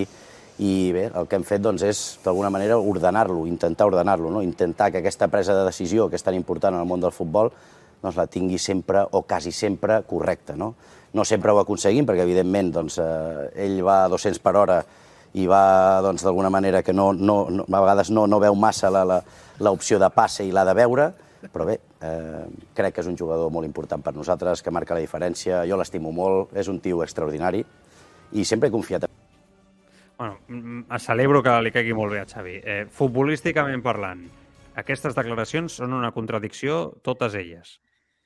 Perquè Xavi reconeix que el nano no s'entera i diu, l'hem ordenat? No, no l'heu ordenat. No, no, no. Sigui, el problema és que està desordenat des del primer dia i que no hi ha hagut, en aquest sentit, un ordre major amb Xavi des de que és entrenador del Barça, que és el que s'esperava. Ha millorat, sí, truc, ha millorat estadísticament, si vols, amb assistències, ha sigut... Però un golejador, un davanter del Barça de marcar més gols, això per començar. I ja no és els gols que marca, les assistències que t'ho dona, sí, un dia, un bon partit. Dos assistències, dos gols, una meravella. Tots oh, Dembélé, quina passada. Però quatre desaparegut. Ja no és això, sinó és el desordre constant que et porta l'equip. Les pilotes que perd, és que et trenca completament l'entramat defensiu. No, és que és un jugador anàrquic, és diferent, hòstia... Ja ho sabem que és un, un gran jugador talentós, però no té regularitat en el seu futbol i no pensa en el col·lectiu amb la seva posició. Llavors a mi, hosti, ara mateix crec que amb un model de construcció com el que té Xavi, crec que el Xavi s'equivoca amb Dembélé. Perquè ara necessites precisament eh, jugadors que encaixin en el model compacte que estàs dissenyant. Ja tens aquí un, un jugador anàrquic que fa el seu partit, oh, sí, és talentós, eh, però es de, et desestructura. I jo no sé com Xavi no ho veu, això, sincerament, eh? Jo crec que sí que ho veu, eh? I llavors, que, llavors que, a què està jugant? No, perquè ell creu que aquestes característiques, justament les que acaba de- d'anomenar en l'entrevista i que tu recordaves, li interessen, les valora, creu que les- li són necessàries i que un perfil com aquest li va bé en un equip Sí, tot li i els contres compensa que té. tot el desordre que té. A mi em, grinyola molt això, Marc, perquè Sí. Xavi precisament és l'estandard com a futbolista de l'ordre al terreny de joc, no? i crec que com a entrenador vol aplicar aquest model. Per tant, em grinyola molt que vulgui defensar un jugador que, tot i el seu talent, perquè Xavi sempre defensarà un Ronaldinho, un Dembélé, aquest estil de jugadors eh, especials, eh, el, el, compen, li compensi per tot el que li dona respecte a tot el que treu, que jo crec que és molt major. Penso. Penso. Jo crec que, el, jo crec, és que jo crec que la balança amb ell li, li continua sort, sortint a guanyar. És que si no, no faria el discurs aquest que fa. Jo faig dir, una ell- reflexió. Si Xavi fos migcampista d'aquest Barça, Clar, ja, ja, ja sé per on vas. o sigui, i, i veiés, i i ell vold, voldria el joc posicional, el joc del control, etc etc que representa, no?, que representava Xavi com a futbolista, si, ell estaria d'acord amb un jugador que perd pilotes d'aquesta manera, que desordina el joc posicional, no? eh, que no interpreta l'atac del tercer home, eh, tota, aquesta, tota aquesta sèrie de coses, eh, Xavi què li diria sobre la gespa? Perquè jo estic segur que Xavi preferia abans a Pedro, eh, el Canari, no? que altres eh, extrems millors a nivell de qualitat individual, però no amb l'ordre tàctic que tenia Pedro, que per això li encantava tant a Guardiola. De fet, quan el Barça decideix donar un pas endavant i apostar pel trident Neymar, Luis Suárez, Messi, no? i deixar d'apostar tant pel mig, mig del camp, ell mm, desapareix del mig del camp del Barça i és el seu últim any a Can Barça, precisament per això. És que a, a, per això no, em grinyola aquesta obsessió amb Dembélé. Em grinyola molt. És que no, no em quadra amb la Ja, idea però- que té ell de, de futbolística. Però és que és l'única explicació. L'altra ja és teoria conspiratòria. Vull dir, és l'única explicació. És a dir, allò de bo que, que, que, que sabem posar de, damunt de la taula de Dembélé, la velocitat que pot imprimir en el joc, el anar contra els rivals, el moure's com es mou, aquest desequilibri que aconsegueix, A vegades el té, Eh, jo ho dic, és molt bo. sí, sí, sí. les, els, els passes i les centrades que és capaç de fer i els gols que pot fer eh, li són suficients com valorar el jugador que ell mateix, jo crec que ho reconeix. Primer que diu, no sé, més o menys ha dit, no? Bé, Ha, vingut a dir, brilla un de cada dos partits. com dient. No és, A, no a és vegades sempre. desordena, tal, Eh, va no- mirant no cap a baix. No Té sempre, 25 no? anys, eh, Dembélé, no 17 o Ja. 18 o 19. Eh. Té Ja, ja. 25, amb 25 anys jo crec que aquests fonaments haurien d'estar treballats. Però És que jo crec que Dembélé se'n va ara mateix a jugar al Tottenham Hotspur i serà un, un crack, perquè en aquell futbol amb espais i tal serà un jugador molt diferencial. El model del Barça, jo dubto que mai, mai s'integri. És que ho dubto de veritat. I escolta, celebrar... no us preocupeu, d'aquí al juny hi haurà moments que direm oh, Dembélé, la cinquena meravella del món. Perquè, perquè el jugador ho té, té aquest talent. Clar. Però hi haurà molts altres partits que ens estirarem dels cabells i ens posarem negres. I Xavi tornarà a dir allò de... I a sobre és un tio extraordinari. Bueno, és, és que... Escolta, crec que no és just, tu. T'ho vaig a dir així de clar. Crec que hi ha molt d'amiguisme amb Dembélé si fas la comparativa amb altres extrems de, de l'equip. I no m'agrada això. No m'agrada. O sigui, crec que Dembélé no ha fet tants mèrits sobre la gespa per tenir aquest rol d'indiscutible respecte als seus competidors per la posició. Em sembla molt injust. Ho dic tal com ho sento. jo no sé si ho tillaria així, però jo, però, jo- el, el, a més, el, el cas d'Embelé no només té aquesta, per mi, no només té la lectura aquesta esportiva o aquesta anàlisi crític de- d'ell com a jugador, molt important, com s'està dient i com deies tu, d'ell com a jugador dins d'aquest equip, que és en gran part el que continua fallant. Vull dir, no només falla ell, que a vegades, moltes vegades, no marca gol, no està centrat, perd pilotes, ta, ta, ta. Desequilibra l'equip. Fa que no controlis el partit. És, que és, Exacte. és un... No només hi ha això, sinó que després hi ha una altra cosa que a mi personal em cansa molt, suposo que a tots també, no? Que és la, la polèmica constant. Ara el tema, ara la renovació. Sobre és que ara l'última cosa que has de renovació. fer és renovar aquest jugador. Sí. Ah, sí, sí. A veure, sí Ah. que és veritat, hi ha un tema, que això també s'ha de dir, que si el vols vendre, Clar, si, sí, el sí. tens més anys de contracte per darrere, podràs demanar els 50 milions de la seva clàusula. Si acaba el- o entra l'últim any, allà possiblement no puguis rebre els 50 quilos, que és el que el Barça podria... O sigui, que és una bona estratègia potser per vendre'l, però si, si és una, una estratègia per reafirmar, em sembla una cagada, un error. Un error, un error. Però ja tenim el show muntat, eh? Ja tenim el show muntat amb Dembélé. Bueno, hòstia, Bueno. doncs no sé, doncs demà en seguirem parlant. Sí, com sempre. Eh, és, és, el, és el que hi ha. Missatges i acabem amb un tema de Leo Messi. Va, missatges, que hi ha un Vinga. eh, fotimer de, de, de l'audiència a través de eh, twitch.tv barra el tribuna. Va. Vinga, deixa'm buscar un, un hem deixat abans i els últims de... Mira, més o menys per aquí, eh? Eh, tema, allò que comentava Xavi de Pedri i Gavi a la seva Mm. edat, etc etc. ¿no? Eh, el Mortero Perfecto deia, para este estilo eh, necesitas un Xavi y un Iniesta que filtren pases arriba y Xavi e Iniesta no los tiene, subieron dos y no habrá más. Eh? Justament començàvem a parlar d'aquest tema, el Palau 777 que deia, bueno, para ser sinceros, cuando Xavi tenía la edad de Pedri y Gavi, el club estaba en crisis de, de identidad Mm. chunga con idas y venidas hacia ninguna parte. Al papi jefazo diu catástrofes de los dos extremos del Barça en este Mundial. Dembélé sexta temporada de 31 goles, Ansu Fati quarta temporada de 22 goles. És que a la, a la davantera del Barça, el, el que compleix amb el que mereix el Barça com a club i el que exigim, l'únic és Lewandowski. Sí. Ansu, que se l'espera, que és jove, a veure les lesions, etc. Dembélé jo crec que està per sota, Rafinha està per sota, Ferran Torres està clarament per sota. Vull dir que l'únic que està en el moment que s'espera és Lewandowski, que aguanta mig equip en atac.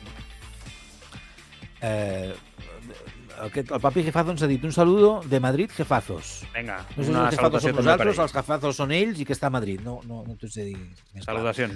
Me diu, Joan, pero le das vueltas a algo que no nace de la afición, sino del club. El primero, el presidente y el entrenador que venden que tenemos unos un, un plantillón. Bueno, el que hem dit abans. El, Punxa, punxa. Arturo- No, no estem Arturo- sortint. Ah, mira, aquest, aquest és el que estava llegint, eh? Bé. El Tugromi diu, tendría que ser al revés. La afición es normal que se venga arriba y los dirigentes han de ser, han de hacer que se tengan los pies en el suelo. Leonacho, digo, hay que salir después de las vacaciones a tope, ganar cuatro o cinco partidos de liga seguidos y aprovechar que el Madrid no tiene un calendario fácil. Si hay que tirar la copa, se tira. Iván San Juan de Dembélé es un auténtico retrón. Mira el flash de después del partido de Rayo Vallecano. Míralo cuántos años lleva jugando a fútbol y no entiende el juego. Al Rocky 6.000 66.666. Eh, dos millones de euros. Un delantero que marque más goles, pero has defendido a Ferran, Joan. No, el que jo dic de Ferran Torres és que tàcticament, precisament sobre el que deia ara aquest oient del tàcticament, no? l'enteniment del joc, Ferran Torres entén molt millor el que se li demana a un extrem i en el joc atacant, en el joc posicional, el, el que ho fa Dembélé. Talent, talentosament Dembélé és superior de desequilibri. I Ferran Torres té un problema, que és una manca de gol preocupant i que ha empitjorat el l'1 contra 1 que abans sí que tenia. Però el que dic és, uh, Ferran Torres és més jove que Dembélé. Dembélé portem 6 anys donant-li marge, 6 anys, eh? I encara estem esperant que arribi a despuntar i encara no ho ha fet. I en Ferran Torres, és veritat que per mi, que ens està desesperant, té la llosa dels 55 milions d'euros, que ens està desesperant el que falla, que és un jugador que anímicament se l'ha vist molt, molt tocat, però que a nivell de moviments se'l veu que té un marge de creixement perquè va evolucionant amb aquest coneixement del joc que després potser tampoc és el que necessita el Barça, eh? que estem d'acord.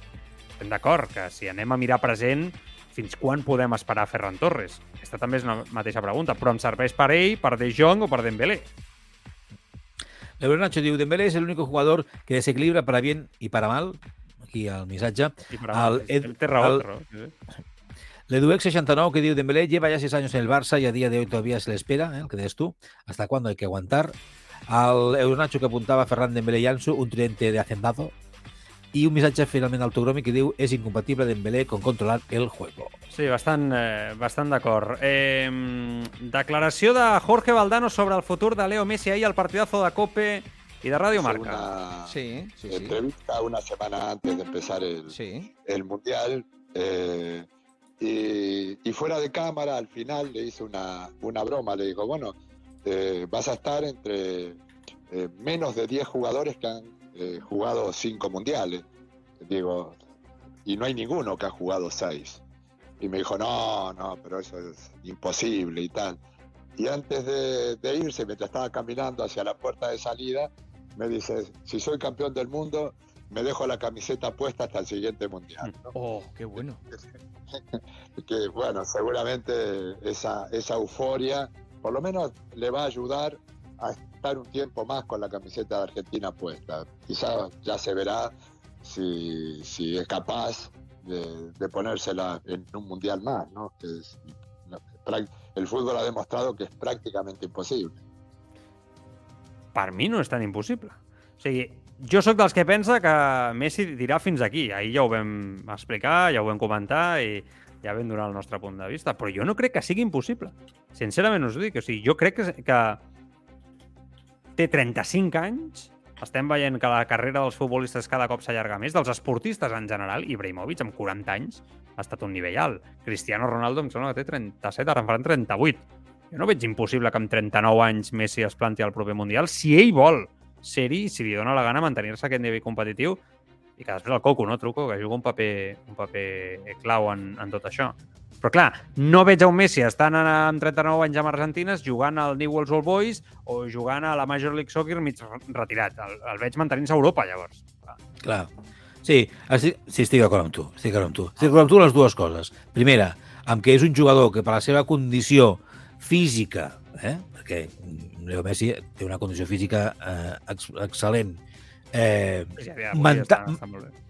eh, mentalment jo crec que no hi ha discussió, vull dir que acabem de veure, no? Una altra cosa és que van passant els anys, que ja ho has guanyat tot i que la motivació, que també en parlàvem l'altre que dia, jo crec que no? aquest és el punt. Que, que la farà- motivació... Però potser li queden poques coses per aconseguir. Potser li motiva ser l'únic jugador de la història en jugar sis mundials. Bueno, pues, si és aquest el, aquesta és la motivació. No, el que vull dir és que la motivació potser baixa una miqueta, però amb ell, pel, pel personatge que és, li motiva jugar. Vull dir, jo no sé si a Messi li motiven moltes més altres coses, segurament que la seva família s'ho passa molt bé i els seus amics, tal igual. Però què més li motiva a Leo Messi que jugar a futbol, no? Saps què vull dir? Que està jugant, que està en actiu, eh, que marquen gols, que fan, que fem bones jugades, que tenim reptes esportius. Pues jo crec que poques coses més. Per tant, mentre físicament estigui per jugar a, a, a primera, no? a a l'elit, eh, mentre el Coco li funcioni, que jo crec que li funcionarà a nivell esportiu durant molt Fins de temps, vulgui. Sí, sí. exacte, jo crec, que, talentós tan diferencial, Messi, que... jo crec que hi serà. Una altra cosa és que sí, que vagi una mica el, el pistó de... de... Jo, jo, jo, jo d'efectivitat, segueixo dient potser. el mateix que deia ahir. Jo crec que ho deixa a final de temporada. A l'elit, eh? Jo, o, I si no, renovarà pel PSG, però no, no li veig massa més marge. Eh, bueno, ja veurem què, què passa. Ah, Anem acabant, però el tema túnica. Tema famosa túnica, que s'ha parlat molt a les últimes hores. Eh, avui diferents mitjans especulen i expliquen que bueno, el moment del Mundial on Messi es posa la túnica eh, no va ser gratuït. Es parla que l'emir de Qatar, propietari del PSG, havia pactat amb el jugador argentí i també amb Kylian Mbappé, per si guanyava França, una prima per posar-se el, el beix, es diu així, una túnica típica de la cultura àrab. Eh, hòstia, si és així, si es confirmen aquestes informacions, hòstia, horrible, tio. Eh? O sigui, de veritat. O sigui, jo entenc que curres per el, pel PSG, per Qatar i tot el que tu vulguis. Però eh, amb 35 anys, sent el millor jugador de la història, has d'estar pel damunt de saber què representa posar-te segons quines coses, ja no pel que representa la túnica en si, el gest. Jo desconec ara més enllà no, del que el que podem llegir tots, eh, una búsqueda ràpida, no? El simbolisme de la túnica, sí. Per qui però- t'ho demana, sobretot? Per qui hi ha darrere de qui t'ho Ja, demana? Que, vale, que en el moment estàs- que tu corres i, co i cobres de Qatar, eh, suposo que ja ho assumeixes a tots, els, a tots els nivells, no? Però, hòstia, rebre pasta per això, si és això cert, serà, vaja, terrible. Bueno, Terrible, sí, tio. perquè si tu, vols, si tu vols fer una col·laboració, si tu vols ajudar a la multiculturalitat, a la germanor entre nacions, entre cultures, no? En fer... Pots Has de posar el actes- context, Marc, el, punt- el que s'està Ah, dient de Qatar, això, què s'està dient del moment, no? Això, és això. Per, per això has de, has, de, has de poder fer accions com aquesta, però clar, en quin moment la fas? Clar. no? Eh, de, la de, de la mà de qui? Perquè a mi, uh, jo, vull dir, jo reconec que sóc el primer que no estic autoritzat mm, per parlar en condicions de segons quines coses, Mhm. Perquè el meu coneixement de la, Sí, sí, no, de la mi- cultura, A mi de la cultura àrab, dels Si jo només jutjo... Sí, sí, és per mínima. suposat, si jo només jutjo el fet cultura de... asiàtica, mínima Ah, ja, més. estic d'acord, Marc, però jo només jutjo el fet de Qatar, drets humans, crítica cap a Qatar, ets Sí, Leo sí, Messi, sí, sí, sí. saps on estàs, jugues al Mundial, vale. Bueno, no, no has fet cap manifestació en... Vale. Compres el tema de treballar, vale. Però, tio, o sigui, ets Bueno, Messi. perquè li estàs jugant al joc al que paga. Ah, aquest és el tema. Sí, Vull dir, els valors a prendre pel sac. Però, però escolta'm, com hem aquest el fet tots amb el, amb el... No és el mateix, eh? però vull dir que finalment aquesta gent, el poder d'aquesta gent, ha fet que tots estiguem allà. No, no, si és que aquest és el tema. Si és que, eh, per això ell era la imposició de dir, eh, Marco Paquet, no? Allò que vam dir ahir, no? Que allò vam dir. I, I, bueno, si fa falta que li paguis 5 quilos, o sigui, eh? A Leo Messi, 5 quilos per posar-te eh, la túnica, i la túnica no és una, una, un, un homenatge a la cultura àrab, no, no, és que estàs utilitzant el recurs de la cultura per marcar paquet de cara a Occident, que és el teu gran objectiu com a país, no? I, i mantenir aquesta... Tu vols aprofitar-te d'Occident, de les seves avantatges i a sobre mantenir totes les injustícies en drets humans que ja no són cultura, sinó que són imposició aprofitant part de la cultura. Això ja és un altre debat, no? Eh, que, Això és el que a mi tu, sap greu, tu. que el tema està amb l'impulsor d'això. Sí, sí, clar, és el problema.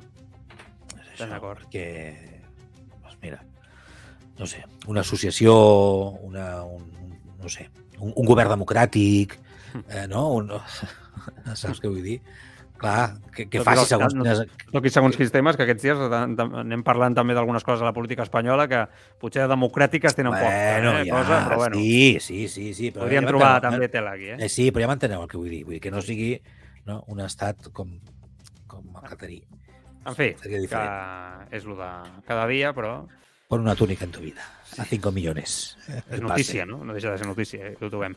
Bueno, senyors, posem el punt i final. El Tribuna Marca d'avui, amb Xavi com a protagonista, molts temes, s'han quedat molts altres fora de fora del tintero, que diria aquell, però, però bueno, jo crec que hem fet un programet avui farcit de debat, amb molta participació de tots els oients. Us agraïm la, la participació a través de, del xat i demà 5.30, no? També, Truco, estem aquí. En principi sí, en principi si tot va bé. Si, si tot va bé, no ens passa res. Exacte. Estem aquí. No, no, que no ens ha de passar res, estigueu tranquils, fem conya, No, perquè sí. farem la vida d'aquesta manera, eh? Sí. Però estarem, estarem, estarem. Vinga, gràcies per ser-hi. Eh, demà tornem al Tribuna Marca. Fins demà, adeu-siau.